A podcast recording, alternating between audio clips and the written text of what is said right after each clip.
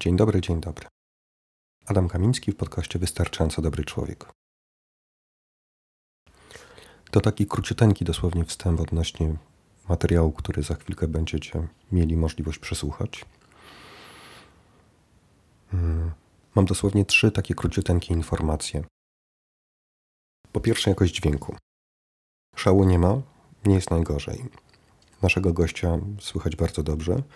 Moje pytania jakoś słychać. A wygląda na to, że jeżeli chodzi o pozyskiwanie i obróbkę dźwięku, jeszcze dużo muszę się nauczyć. Druga rzecz związana jest z moim perfekcjonizmem. Jako, że byłem gościem Adama w jego domu, w podcaście słychać raz na jakiś czas jakieś domowe odgłosy.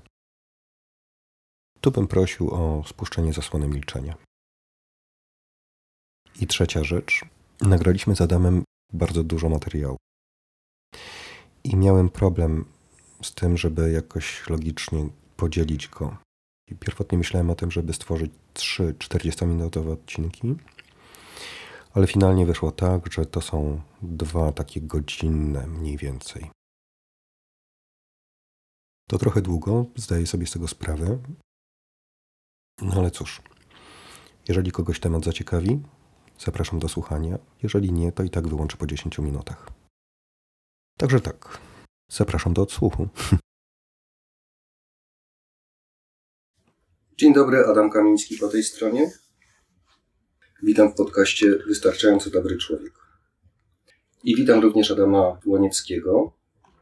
Witam serdecznie Ciebie, witam Was. Dziś jestem gościem Adama. Bardzo dziękuję za zaproszenie. Czyli w zasadzie wszyscy wbijamy dzisiaj do domu. Adamie, bo za specjalnie nie wiedziałem, jak Ciebie przedstawić. To proszę koryguj mnie, bo tak, jesteś albo byłeś aktorem filmowym teatralnym, nie wiem, czy to jeszcze jest jakoś aktywne w Twoim życiu. Jesteś szamanem, mogę Cię tak nazywać, tak? Myślę, że tak. Oprócz tego prowadzisz od kilku lat, dobrze mówię, e, wideobloga i Adama można znaleźć na YouTubie.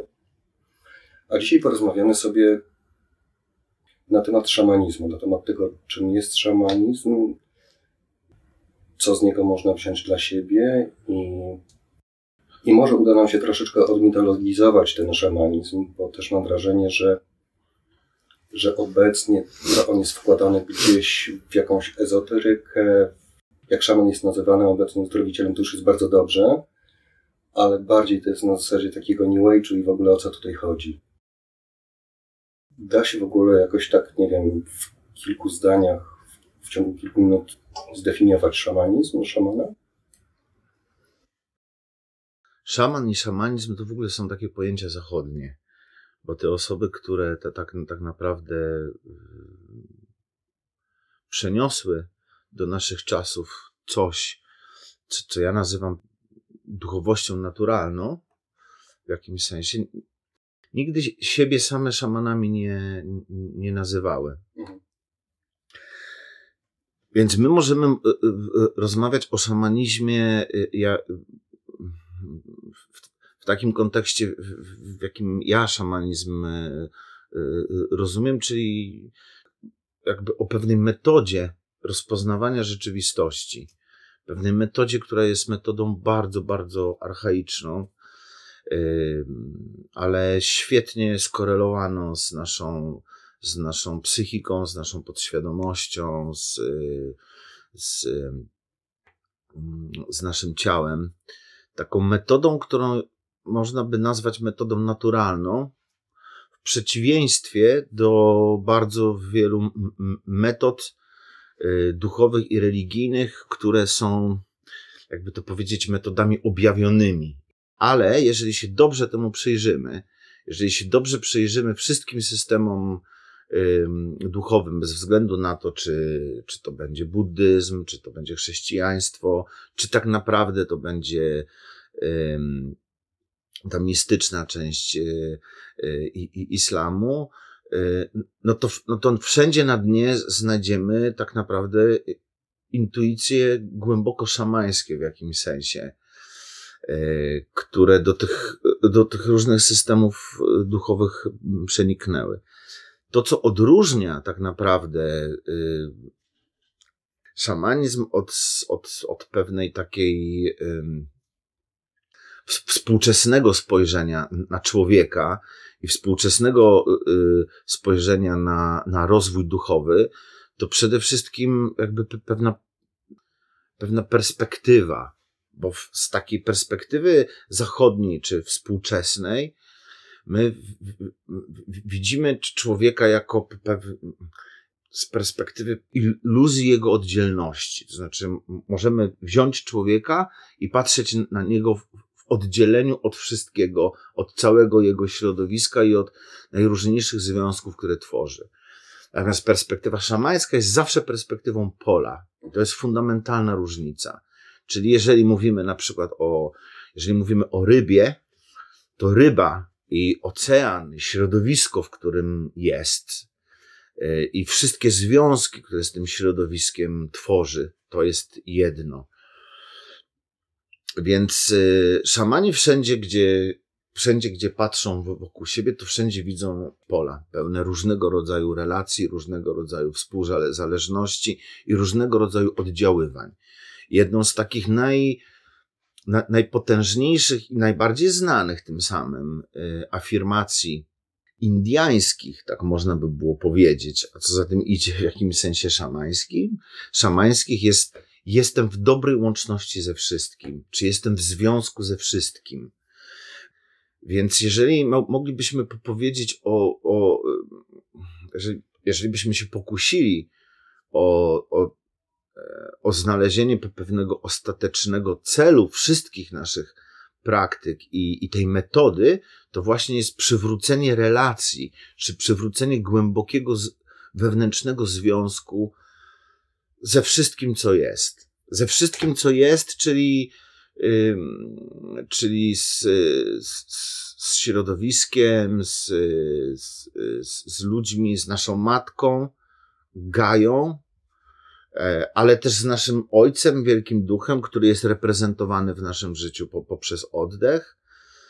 I dopiero w, w, w obliczu tej e, e, relacji możemy zacząć rozpoznawać kim my tak naprawdę jesteśmy. Dopiero w obliczu tej relacji. Jeżeli, przy, jeżeli przyjrzymy się, zaczniemy się przyglądać człowiekowi, tak jak proponuje nam to mm, duża część współczesnej psychologii, ale też y, duża część jakby takich współczesnych y, metod rozwojowych, czyli wyciągniemy go, wyizolujemy i zaczniemy dzielić na coraz mniejsze fragmenty, na jakieś choroby, na jakieś obszary, na taki mhm. sposób umysłowy, to w moim przekonaniu nie znajdziemy żadnej sensownej odpowiedzi. I będziemy coraz, coraz bardziej plątać się, się w kółko i, i dzielić. Zresztą to, to widać dzisiaj, chociażby po sposobie leczenia ludzi to znaczy dzielimy człowieka na coraz mniejsze fragmenty, wyizolowujemy jakieś, jakąś jedną chorobę, na którą próbujemy leczyć bez szacunku do, do, do wszystkich innych rzeczy, które są w nim, więc najczęściej leczymy nie człowieka, tylko leczymy chorobę, tym samym psujemy człowieka. Od czasów kartezjańskich w ogóle rozdzieliliśmy człowieka na jakąś, e, wiesz, na jakiegoś ducha i na jakieś ciało. Ciałem zajęli się lekarze, duchem zajęli się kapłani. Jedni i drudzy nie mogą się ze sobą dogadać. Myślę, że rodzi to mnóstwo, nie, mnóstwo nieporozumień. Więc, więc tam, tam metoda, która jest metodą sprawdzoną, bo mającą z grubsza rzecz biorąc około 40 tysięcy lat. Jest metodą, co prawda niespisaną w zasadzie nigdzie, ale taką metodą, która wynikła właśnie z obserwacji i z, i z badań, jest taką metodą, uważam, bardzo na nasze czasy, bo wydobywa nas e, z, z czegoś, co jest w moim przekonaniu największym zagrożeniem dla nas, czyli z, z czegoś, co ja nazywam umysłową iluzją naszej oddzielności. To jest taki rodzaj iluzji, który tworzy przed nami umysł, im jest bardziej wystraszony, tym, tym, tym głębiej te iluzje tworzy. Co powoduje, że czujemy się samotni, opuszczeni, zagubieni, wyizolowani. Mamy ogromne kłopoty, żeby tworzyć jakiekolwiek relacje. Mamy, mamy kłopot, żeby stworzyć podstawową, główną znaczy nawet nie stworzyć, tylko przypomnieć ją sobie. To znaczy mówię o takiej wewnętrznej relacji z naszą matką. Do czego to prowadzi? Takie zapomnienie, no, no można sobie popatrzeć, do, do, do czego ta iluzja do, doprowadziła yy, no, głównie białego człowieka. To znaczy, wszędzie tam, gdzie się pojawił, to robi po prostu potworny bałagan. I tak było przez ostatnie set, set lat. Y, I, I tak jest niestety do, do, do dzisiaj, ale to się na szczęście zmienia trochę. Mówisz, mówisz, że to się zmienia. Czy to się, czy masz na myśli to, że ludzie częściej odwołują się do. Nie chcę tutaj mówić stricte o szamanizmie, ale jakby do takich praktyk bardziej naturalnych, bardziej takich organicznych człowiekowi.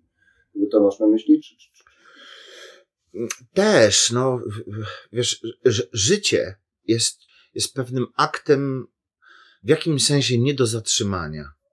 Więc wydaje mi się, że bez względu na to, jak bardzo zaufalibyśmy, a my jako cywilizacja zachodnia zaufaliśmy bardzo śmierci, która jest w nas, to w jakimś momencie życie i tak zacznie y, wyciągać po nas rękę. I to się dzieje na najróżniejsze, często tajemnicze i magiczne w jakimś sensie sposoby.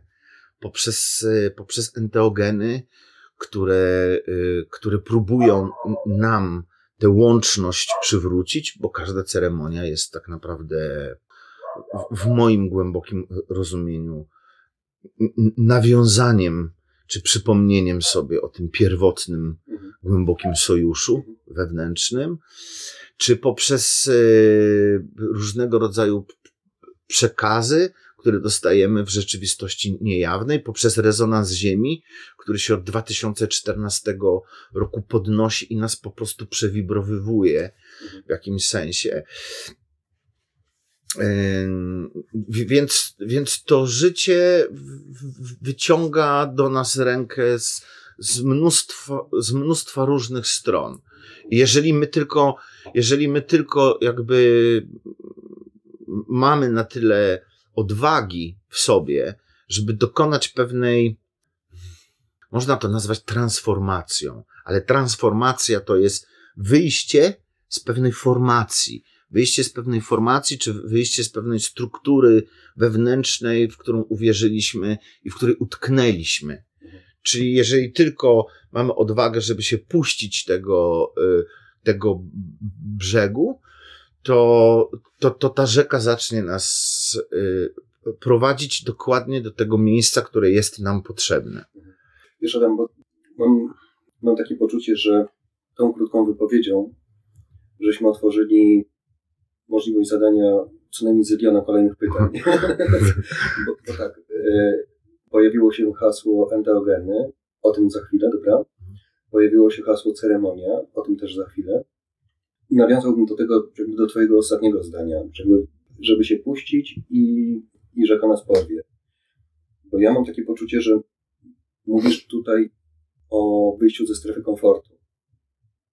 To dla takiego właśnie, wiesz, e, promowanego hryzjańskiego widzenia człowieka poprzez jego umysł to może być bardzo niewygodne i trudne do zaufania. No bo patrz, jeżeli od iluś setek lat promowany jest taki model funkcjonowania, i tutaj ten zachodni człowiek jest bardzo dobrym przykładem, tak?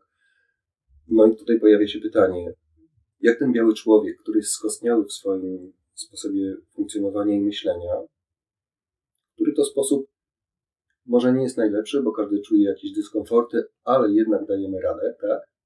To po jasną cholerę ja mam cokolwiek tutaj puszczać i cokolwiek zmieniać, nie? Właśnie, może to jest takie krótkie pytanie. Po co? Po, po co to robić? Wiesz, to jest... Yy...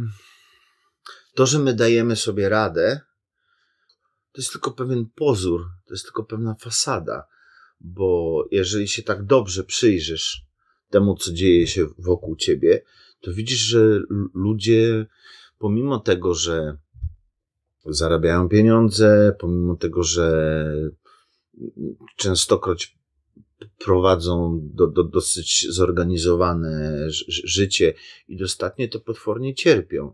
Dlatego, że pewnych rzeczy w nas nie, nie, nie, można, nie można oszukać. Dodatkowo my nie, nie, nie rozumiemy transformującej funkcji kryzysu w naszym życiu. My myślimy, że jeśli dotyka nas kryzys, to coś z naszym życiem jest nie, nie, nie tak. Boimy się kryzysu, boimy się bólu, boimy się mm, porzucania, boimy się odchodzenia. Tymczasem kryzys zawsze jest, y, jest wielkim zaproszeniem do, do, do człowieka i kryzys ma potężną funkcję transformującą. Dzień dobry.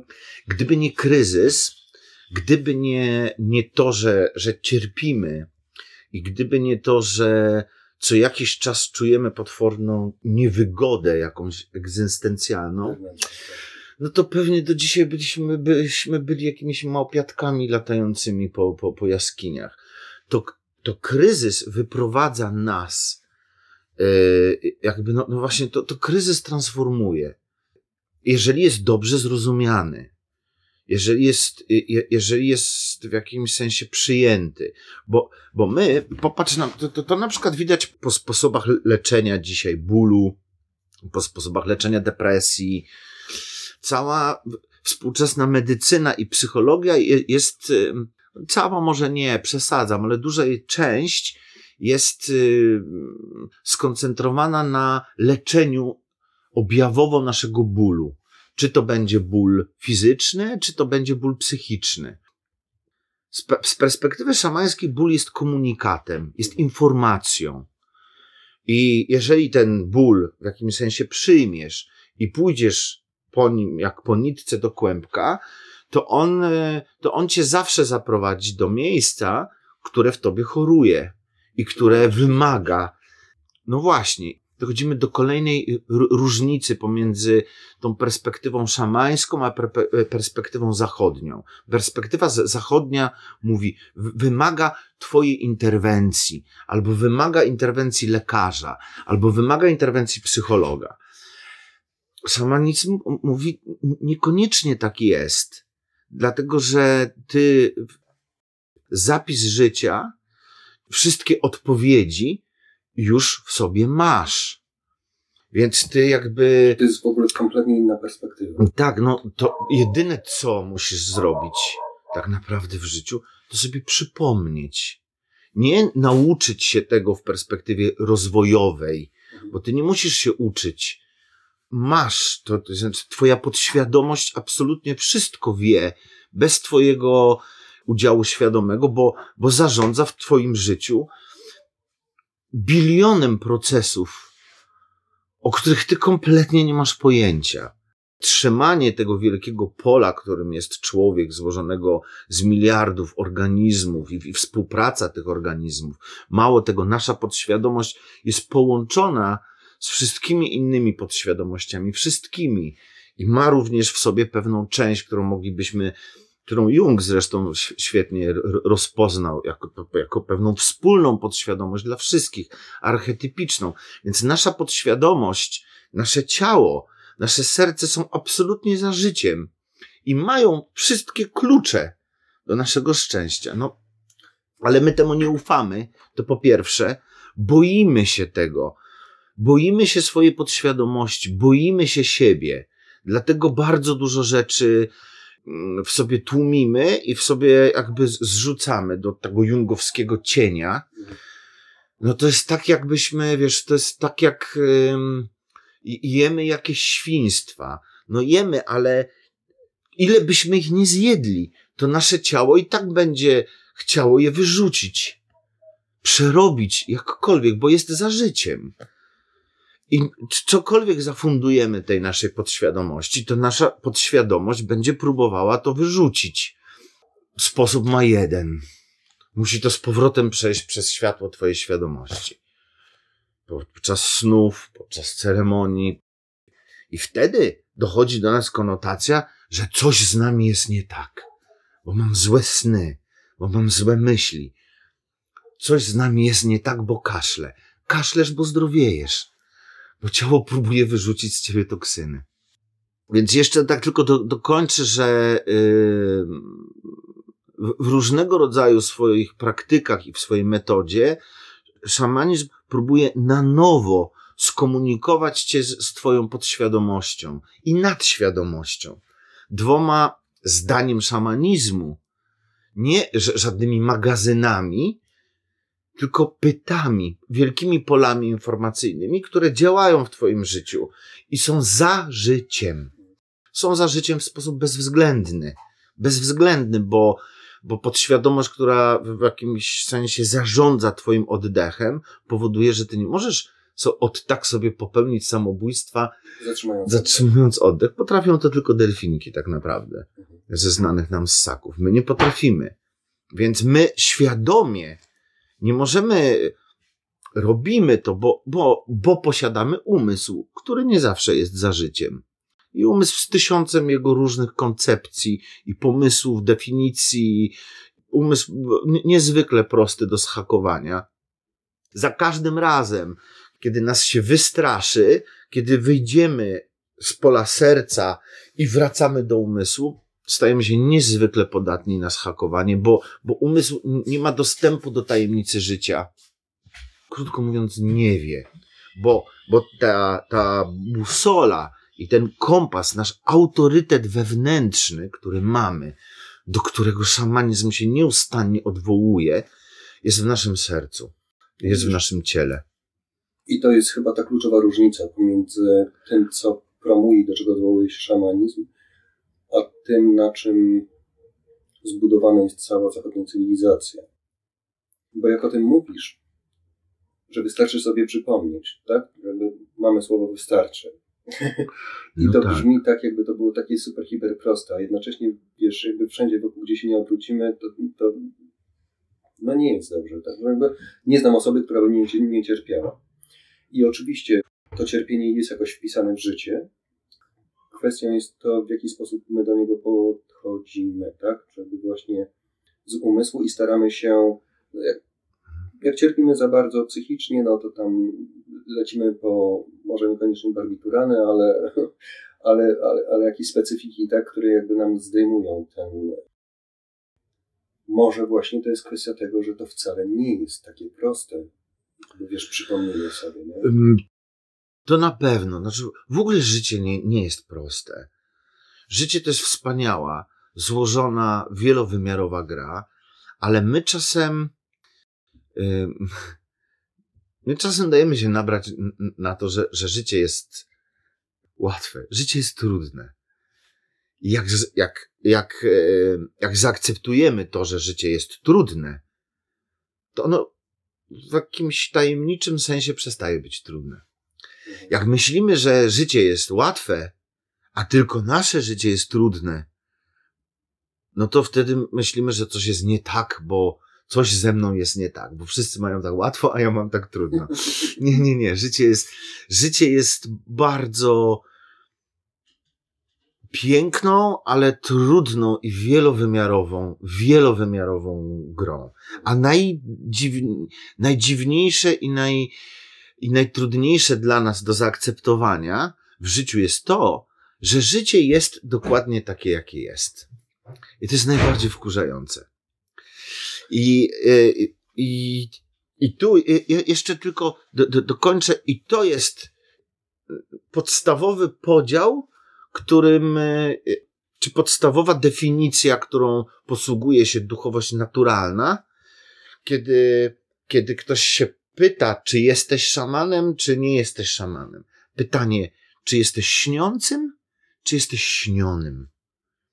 Czy jesteś po stronie tego, który śni swoje życie i śni ten świat lepszym z perspektywy swojej świadomości, czy jesteś nieustannie przez ten świat y, tylko śniony, czyli mówiąc po zachodniemu, czy stajesz po stronie umysłu reaktywnego, wiecznie tylko reagującego na rzeczywistość i, będącego w, wiecznej pogoni, żeby dać jakąkolwiek odpowiedź temu, czy jesteś po stronie umysłu kreatywnego, czyli tworzącego. I okej, i wtedy, wtedy nie jest prościej, bo wtedy musisz całą odpowiedzialność wziąć na siebie.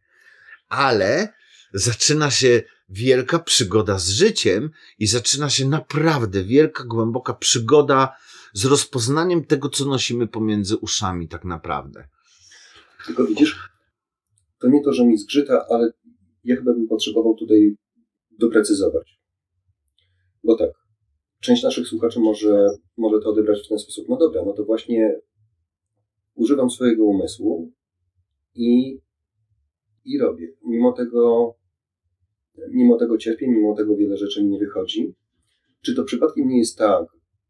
To jest takie pytanie retoryczne, bo, bo, bo mi się wydaje, że ju- już udzielam odpowiedzi. Że można działać z tego umysłu i, to, i on jest nam bardzo, bardzo potrzebny, ale on musi być sprowadzony do poziomu tego samego, na którym jest nasze serce, na którym jest nasze ciało. To jest taki konglomerat, który razem może pójść do przodu i wtedy może być prościej. Tak, bo umysł wtedy potwornieje. To znaczy, umysł ma tendencję w naszym życiu do, mówiąc krótko, do udawania Boga. I mało tego, umysłowi wydaje się, że wszystko stworzył. Wiesz, bo jeżeli, jeżeli weźmiemy sobie kolejność, bo to odwieczne pytanie, czy świadomość kreuje byt, czy byt świadomość? No, fizyka kwantowa mówi absolutnie o tym wprost, bez żadnych wątpliwości, że to świadomość połączeniu z, z falą, z morzem potencjałów, stwarza coś, co my nazywamy bytem. Czyli po szamańsku możemy powiedzieć, też odwracając zupełnie, bo my mówimy, ja oddycham. Nie, nie. To oddech bierze ciebie w posiadanie. To oddech bierze, ma cztery, cztery pierwiastki, ziemię, stwarza człowieka, stwarza umysł i daje mu za każdym razem trzy minuty szansy. Każdy oddech to jest trzy minuty szansy. Jak oddech upuści nasze ciało, no to nasz wielki, wspaniały umysł, któremu się wydaje, że wszystko wymyślił i że a to, czego nie wymyślił i czego nie rozumie, to tego nie ma, to ma jeszcze tylko trzy minuty, a potem stanie się na powrót tym, czym w istocie jest, czyli wodą, z koagulatem, wodą i, i tłuszcz. Niczym więcej. Więc życie ma w sobie pewną, ma w sobie pewną tajemnicę i ten umysł, tak jak powiedziałeś, niepołączony w jakimś, niepołączony z sercem, czy niepoddany sercu, no, za, zaczyna się rozwijać w naszym życiu w sposób, yy, krótko mówiąc, nowotworowy. Wincy, wincy, wincy, wincy, wincy, aż do zabicia żywiciela. Trochę ta ziemia tak zaczyna wyglądać. Ziemia, ale to jest, wiesz, ale to jest bardzo dobrze zobaczyć też, jak to działa w naszym życiu. Największą naszą chorobą cywilizacyjną, i, i, i to mówi duchowość od niepamiętnych czasów, jest właśnie ten taki przerośnięty nadkompulsywny umysł, który tyranizuje nasze życie i nad którym kompletnie nie potrafimy zapanować. Nam się wydaje, na przykład, w takim samozachwycie, że to my myślimy. Nie. My jesteśmy myśleni przez coś. Gdybyśmy my myśleli, tak naprawdę, i gdybyśmy potrafili nad tym zapanować, to byśmy przychodzili do domu i pomimo tego, że mieliśmy potwornie trudny dzień i potem powiedzieli sobie, dobra, teraz nie myślę, zaczynam sobie słuchać muzyki. No nie, nie, nie, nie. Nie możesz od tak przestać myśleć. Jesteś myślany, jesteś cały czas zabierany na kręgi destrukcyjnego myślenia, które nie wiesz skąd pochodzi. Wydaje ci się, że pochodzi z ciebie. Ale jeżeli się temu zaczniesz rzetelnie przyglądać, czyli być świadkiem swojego umysłu, zobaczysz, gwarantuję ci, że 80% myśli, które masz w sobie, to nie są tak do końca myśli, które pochodzą z ciebie taki niewychowany, nieułożony umysł jest tak jak pies, którego widziałeś u mnie, Frodo. Wielki, wspaniały owczarek niemiecki, który ma w życiu jedną rzecz, którą kocha ponad wszystko. Uwielbia się ruszać. Musi biegać. Nie wiadomo po co. Nasz umysł, który jest pozwierzęcy, ma tak samo. Mhm. Uwielbia się ruszać. Natomiast, żeby on był bezpieczny dla nas, to musi być dobrze wychowany. Bo inaczej, pierwsze co zacznie robić, to będzie upszczekiwać sąsiadów, kopać dziury w ogrodzie, a w takiej radykaln, radykalnej wersji rzuci się na swojego pana i zacznie go gryźć. My, my jesteśmy zakochani w naszym umyśle i, i przez to większość naszego życia spędzamy w umyśle. Bo nam się wydaje, że to jest w ogóle życie, że jak usiądziemy i zaczniemy coś myśleć i coś y, kombinować, to nas bardzo odizolowywuje od naszego ciała i bardzo od, odizolowywuje od dwóch rzeczy, w których tak naprawdę czujemy szczęście. Od doświadczania, a doświadczenie jest pozaumysłowe, bo to jest ciało, i od kreowania. Kreowanie to nie jest manifestacja. Manifestacja to jest wymyślanie, a kreowanie to jest to, co my ro- robimy teraz, czyli jesteśmy w tej chwili, w teraz. Mhm. Kreujemy i działamy. Czy ja myślę, jak ja teraz mówię? Nie. Jakbym zaczął myśleć, co mam powiedzieć, to bym dumał, stękał, zacinał się. Czy jak tańczę, to myślę? Nie. Okej. Działa we mnie innego rodzaju inteligencja. Więc, więc jest bardzo dużo obszarów naszego życia, gdzie myślenie jest po prostu za wolne i gdzie myślimy za dużo. Podam, je, je, jeszcze przepraszam, że się tak rozgadałem, ale podam ci jeszcze jeden przykład. Trauma. Dobra, napoczynasz wielki temat. Tak, bo to jest, to jest wielki temat z, z, z zachodniej psychologii trauma. Tylko poczekaj, bo, bo Mhm, nie gaszę tego wątku, mhm. ale tak chciałbym wrzucić, że jakby te żeby traumy psychiczne, ale też i fizyczne, tak? Okej, tak. Żeby te traumy, one są, wiesz, jakby i, i, Mhm. i to są kawałki naszej odszczepionej S- są. Tylko z, z, zwrócę Ci uwagę na pewną subtelną różnicę też, na co ws- wskazuje właśnie szamanizm czy duchowość naturalna. Mhm. Mówi tak, ból jest fizyczny, odczuwalny. Cierpienie jest psychiczne. Trauma to jest nic innego niż opowieść Twojego umysłu w jakimś sensie, która zbudowała się wokół ciężkiego, trudnego doświadczenia, które przechodzisz. My, lecząc traumę, mówię cały czas o tej perspektywie duchowości na- naturalnej, Mhm. nie zmienimy tego doświadczenia. Jeżeli ci, jeż- jeżeli ci w wypadku ucięło nogę, no to nie spowodujemy, że ta noga ci odrośnie, krótko mówiąc. Natomiast to, co możemy zmienić, to możemy zmienić historię, którą sobie wokół tego zdarzenia opowiedziałeś i wokół którego zakrę... i wokół której to historii zakręcił się twój umysł. Temu służą właśnie ceremonie. Różne. Bo ceremonie to jest jakby łączenie się z naszym umysłem limbicznym, czyli tym umysłem, który przechowuje wszystkie emocje i leczenie naszych emocji z pominięciem w jakimś sensie mm, mechanizmów obronnych. Tak, u, u, umysłu świadomego, dlatego że zgodnie z tym, co powiedział Einstein, nie możesz rozwiązać problemu z perspektywy czegoś, co ten problem stworzyło. Czyli krótko mówiąc, nie możesz rozwiązać problemów umysłu z perspektywy umysłu. Musisz znaleźć inny sposób. Coś, co ja nazywam interfejsem do komunikowania się ze swoimi emocjami, ale nie umysłowy, bo, bo umysł stworzy ci ty, tylko kolejny obszar wielkiej iluzji, a, a zabrać umysłowi traumę, to tak jak zabrać naszemu cudownemu pieskowi kość, którą gryzie, to jest, zabierasz mu wielką zabawkę, no, głowa tak łatwo traumy nie odda. Mało tego, jest coś takiego jak kobiece ego, bo męskie ego buduje się wokół czegoś innego, buduje się wo- wokół chęci bycia uznanym i docenionym. Yy, Kobiece ego buduje się wokół, wokół tak zwanego poczucia bezpieczeństwa. I męskie ego używa przewagi intelektualnej i przewagi fizycznej, a kobiece ego jako narzędzia zdobywania kontroli używa właśnie traumy. Tego samego używają religie.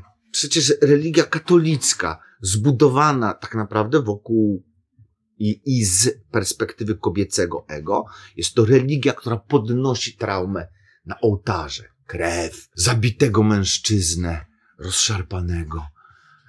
I za pomocą traumy próbuje y, y, zdobywać czy budować pewien system kontroli. Ja bym tylko tutaj wrzucił, że, Mhm. Że, że tak, kobiety mają potencjalnie większą łatwość w tym, ale chciałbym uniknąć tutaj takiego generalizowania, że wszystkie kobiety to robią. Nie, to No, wiesz, to jest.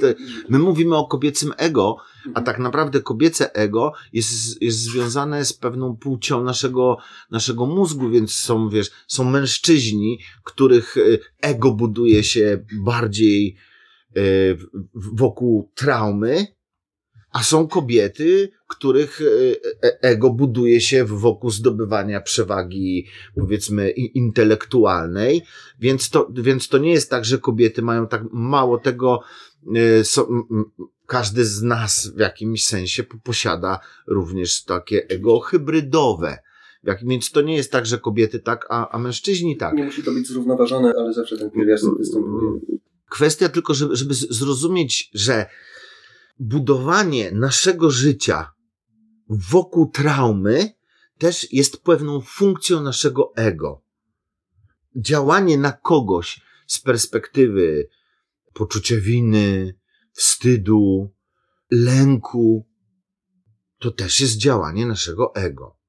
I to jest też ego, które zbudowało się wokół mojego przeżycia trudnego, i teraz próbuję na ciebie zrzucić odpowiedzialność, czy współodpowiedzialność za to przeżycie. Jeżeli to rozpoznamy, czy jeżeli rozpoznamy to jako pewną grę naszego, jednakowoż grę naszego umysłu, a możemy to, co nam pomaga rozpoznać gry naszego umysłu, no to są rzeczone tutaj enteogeny czy psychodeliki. Psychodelis. Ujawniać w niektórych tłumaczeniach duszę, ale w niektórych umysł. Więc to, więc y, akurat to jest narzędzie genialne do tego, żeby zobaczyć nasz umysł w działaniu i wszystkie jego gry. Pytanie, co z tego, co z tego wyniesiemy? Wiesz, Mhm. za chwilkę do tego tam przejdziemy, bo ja też chciałem wrzucić ka- kawałek taki, że jakby są gałęzie psychoterapii, które świetnie radzą sobie z pracą z traumą i robią to naprawdę na, na, na głębokim poziomie. I oczywiście to jest praca wymagająca, znaczy to jest zawsze praca wymagająca, bo to jest jakby praca wymagająca zejścia tam, gdzie boli i dotknięcia tego w sposób świadomy. To też jest wyjście poza strefę komfortu i to czasami może być bardzo przerażające. Chociaż zazwyczaj jest tak, że bardziej przerażające jest myślenie o tym, ok, muszę to zrobić, aniżeli bycie już w tym miejscu, bo to jest taki troszeczkę tygrys na papierowych nogach. Natomiast psychoterapia, nie każda, ale potrafi sobie, potrafi sobie radzić z traumą. Natomiast dwa razy przyszła nam informacja od Ciebie pod tytułem ceremonia. I że ceremonia też jest takim świetnym narzędziem, właśnie szamańskim narzędziem do tego, żebyśmy sobie popracowali na takim bardzo głębokim poziomie, tak? Jakbyś mógł dwa słowa powiedzieć na temat tego, że tu się zastanawiam. Nie wszyscy słuchacze poruszają się w tej materii, w związku z tym, żeby tak bardzo ogólnie naszkicować, czym jest ceremonia i czemu może służyć i czy można się spodziewać trwałych zmian po ceremonii, tak? To jakoś wydaje mi się kluczowe. Czy, czy trwała zmiana to jest coś, czego można oczekiwać? Ale zacznijmy od ceremonii. Czym to jest? Wydaje mi się w jakimś sensie, że, że ceremonia jest, mm, jest pewnym centralnym punktem czegoś, co moglibyśmy nazwać y, życiem duchowym, jakby we wszystkich tradycjach y, szamańskich. Absolutnie centralnym punktem. Mamy, ka każda z tradycji ma jakieś swoje narzędzia, nazwijmy je transformacyjne Wschód ma medytację, zachód ma modlitwę, natomiast w, w tych tradycjach naturalnych były, one pozostawiły nam dwa takie potężne narzędzia. Y, Potężne ceremonie i szamańską podróż. I teraz, kiedy w ogóle zaczyna się ceremonia? Mówi o tym na, naj, naj, najpełniej właściwie wczesne chrześcijaństwo. Ceremonia zaczyna się wtedy, gdzie dwóch czy trzech spotyka się w imię moje. Tam ja jestem. Nieskończona e, inteligencja. Nie wtedy, kiedy jesteś sam w domu i se siedzisz, tylko gdzie dwóch czy trzech spotka się, gdzie, gdzie zaczyna tworzyć pole. Wszędzie tam, gdzie pojawia się pole, po, ponad naszą indywidualną świadomością pojawia się coś w rodzaju świadomości pola. Super, jakiś rodzaj super świadomości, która zaczyna nas wewnętrznie, krótko mówiąc, naprawiać. Wszystko, co znajdzie się w obrębie tego pola, zostaje naprawiane. Pytanie jest tylko takie, czy my potrafimy jakby się temu poddać, czy cały czas wydaje nam się, że my coś tu musimy zrobić sami. Mhm. Bo wiesz co, bo ja tutaj potrzebuję doprecyzować. Możemy się spotkać kilka osób u cioci na imieninach i tego ceremonią nie nazwać. Znaczy, być może jest to ceremonia, ale ona nie ma wymiaru transformacyjnego, łamanego na terapeutycznego. Ja myślę, że tutaj ważny jest cel, czy też intencja, w jakiej się spotykamy, tak? Tak, no, no, no ceremonia już w sensie takim te technicznym to są jakby trzy elementy, które muszą się złożyć. Aha. To jest pole, to jest y, struktura i ekstaza. Możemy sobie krótko o tym powiedzieć, ale zasadniczo pierwszą, najstarszą ceremonią i zresztą do, do dzisiaj naj, najczęściej powtarzaną, zawsze to jest krąg. W momencie, kiedy siadamy w kręgu, w kręgu, w którym wszyscy jesteśmy w jakimś sensie równi, spotykamy się z polem serca i, i zawiązujemy pewne pole intencjonalne, i zresztą do dzisiaj takie kręgi się robi, to już ten krąg zaczyna, zaczyna nas leczyć. W sposób fenomenalny, tajemniczy i zagadkowy. Oczywiście my podczas ceremonii uczymy się z kręgiem i uczymy się z tym polem pracować. Pewną główną zasadą pracy jest to, że musisz wobec takiego pola postawić bardzo uczciwie i najjaśniej, jak się da, swoją intencję. Ale my uczymy się pracować w polu, działając niejako poprzez niedziałanie. Czyli stawiamy intencje, po czym stajemy się świadkami. I to pole zresztą tak, to, to, to przypomniał nam trochę Hellinger, też podpatrując ten mechanizm u Zulusów, co, co, co się stanie, kiedy wejdziesz odważnie w, pole, czyli w tą grę, w ceremonię, bo ceremonia też, też jest pewnego rodzaju grą, lila, dzieje się to, że twoja świadomość zaczyna się na to pole projektować. Więc możesz się w tym polu i w tym, co się dzieje podczas ceremonii, w tym świętym czasie też przeglądać. To pole zaczyna się z tobą komunikować.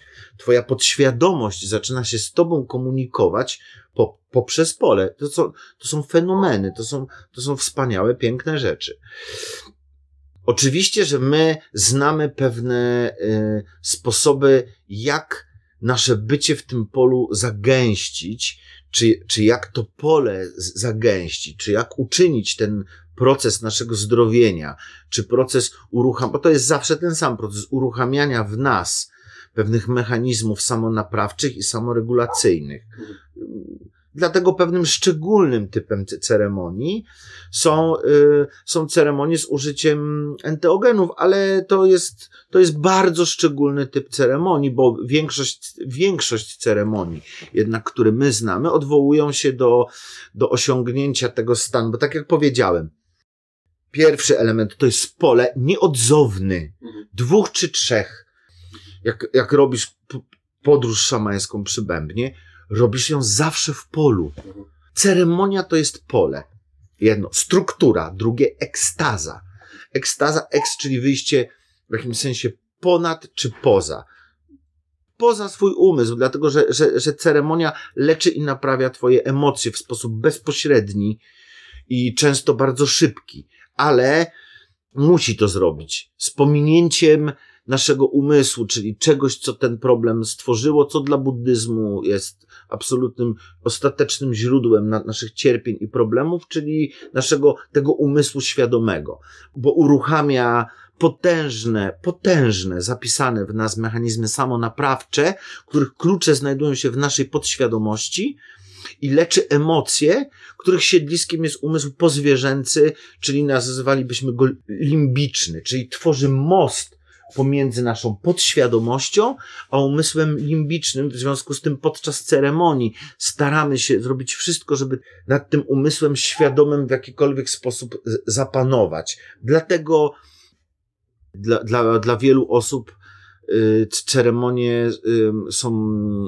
tak doświadczeniem, którego się boją, bo jest to, to takie doświadczenie, gdzie bez lęku musimy w jakimś sensie oddać kontrolę. oddać kontrolę i spojrzeć na chwilę w naszą ciemność, bo nasza podświadomość nie posiada żadnego innego mechanizmu samonaprawczego, niż tylko wszystko to, co jest stłumione i popsute, musi przepuścić z powrotem przez światło naszej świadomości. Korzysta z tego mechanizmu w nocy, podczas snów, jak, jak śnimy, ale my, po, ponieważ coraz gorzej śpimy, to coraz mniej śnimy, No ponieważ coraz mniej śnimy, to, to mamy te mechanizmy potwornie zaburzone. Poza tym y, bardzo duża część z nas y, nie zwraca uwagi na, na sny. No dobra, czyli, czyli ceremonia to jest y, takie miejsce, gdzie można ominąć mechanizmy obronne i wejść w swoją, tak to nazwę, głębię i być świadkami pracy, która tam się zadziewa w tle, tak? Jakiegoś uzdrawiania.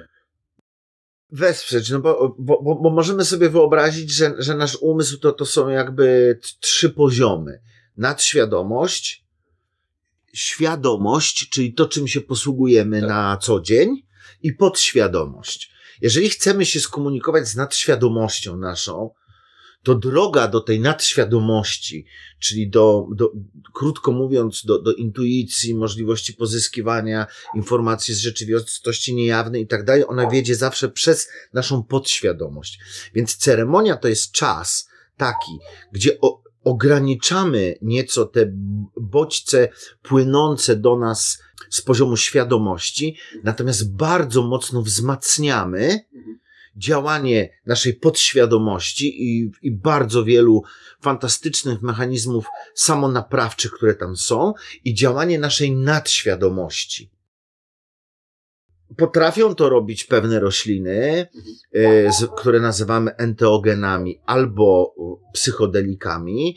Potrafi to robić e, na przykład bęben, potrafią to robić grzechotki. No, no, sz- szamanizm ma sporo takich prostych, ale niezwykle skutecznych narzędzi do, do tego, żeby wprowadzić cię w stan, który w szamanizmie nazywamy szamańską podróżą. I te podróże też mogą to być podróże do świata dolnego, do świata górnego, czy do świata środkowego, ale tak naprawdę chodzi o skomunikowanie się z podświadomością, z nadświadomością, bądź z, ze świadomością, czyli z, z, z, poziomem, z którego nawiązujesz relacje. I z, z czym będziemy się komunikować, to jest kwestia intencji, w jakiej wchodzimy w tę przestrzeń ceremonialną, Yy, czy niekoniecznie. intencja nadaje nam kierunek. Intencja jest instrukcją, bo ta instrukcja, bo to jest świat zorganizowany tak, że musi być jakby Twoja wola i musi być Twoja intencja.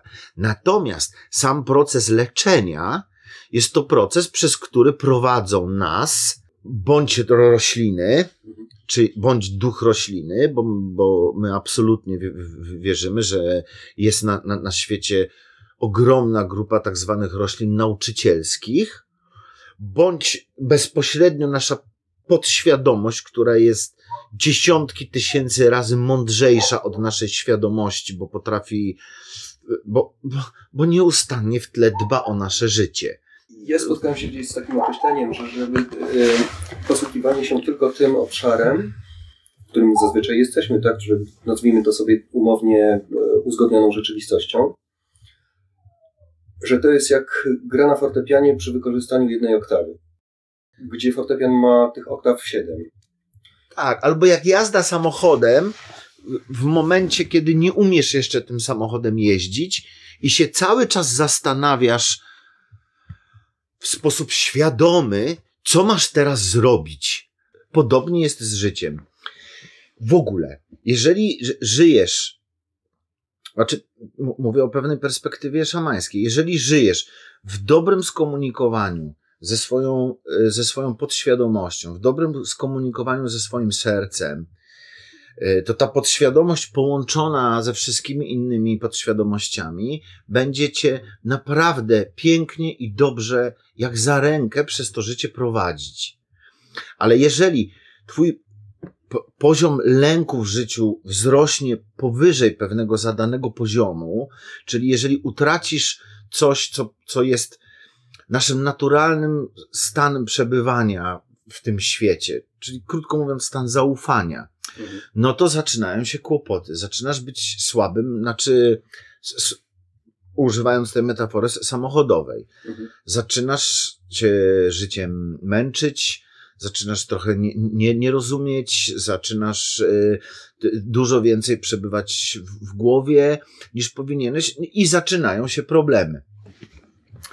Więc w zasadzie sz- szamanizmy i, i ceremonie również prowadzą cię tylko w jedną stronę. W stronę przywrócenia w tobie pewnego naturalnego stanu, który jest stanem zaufania. Jasne. To po pierwsze, a po drugie, jak y,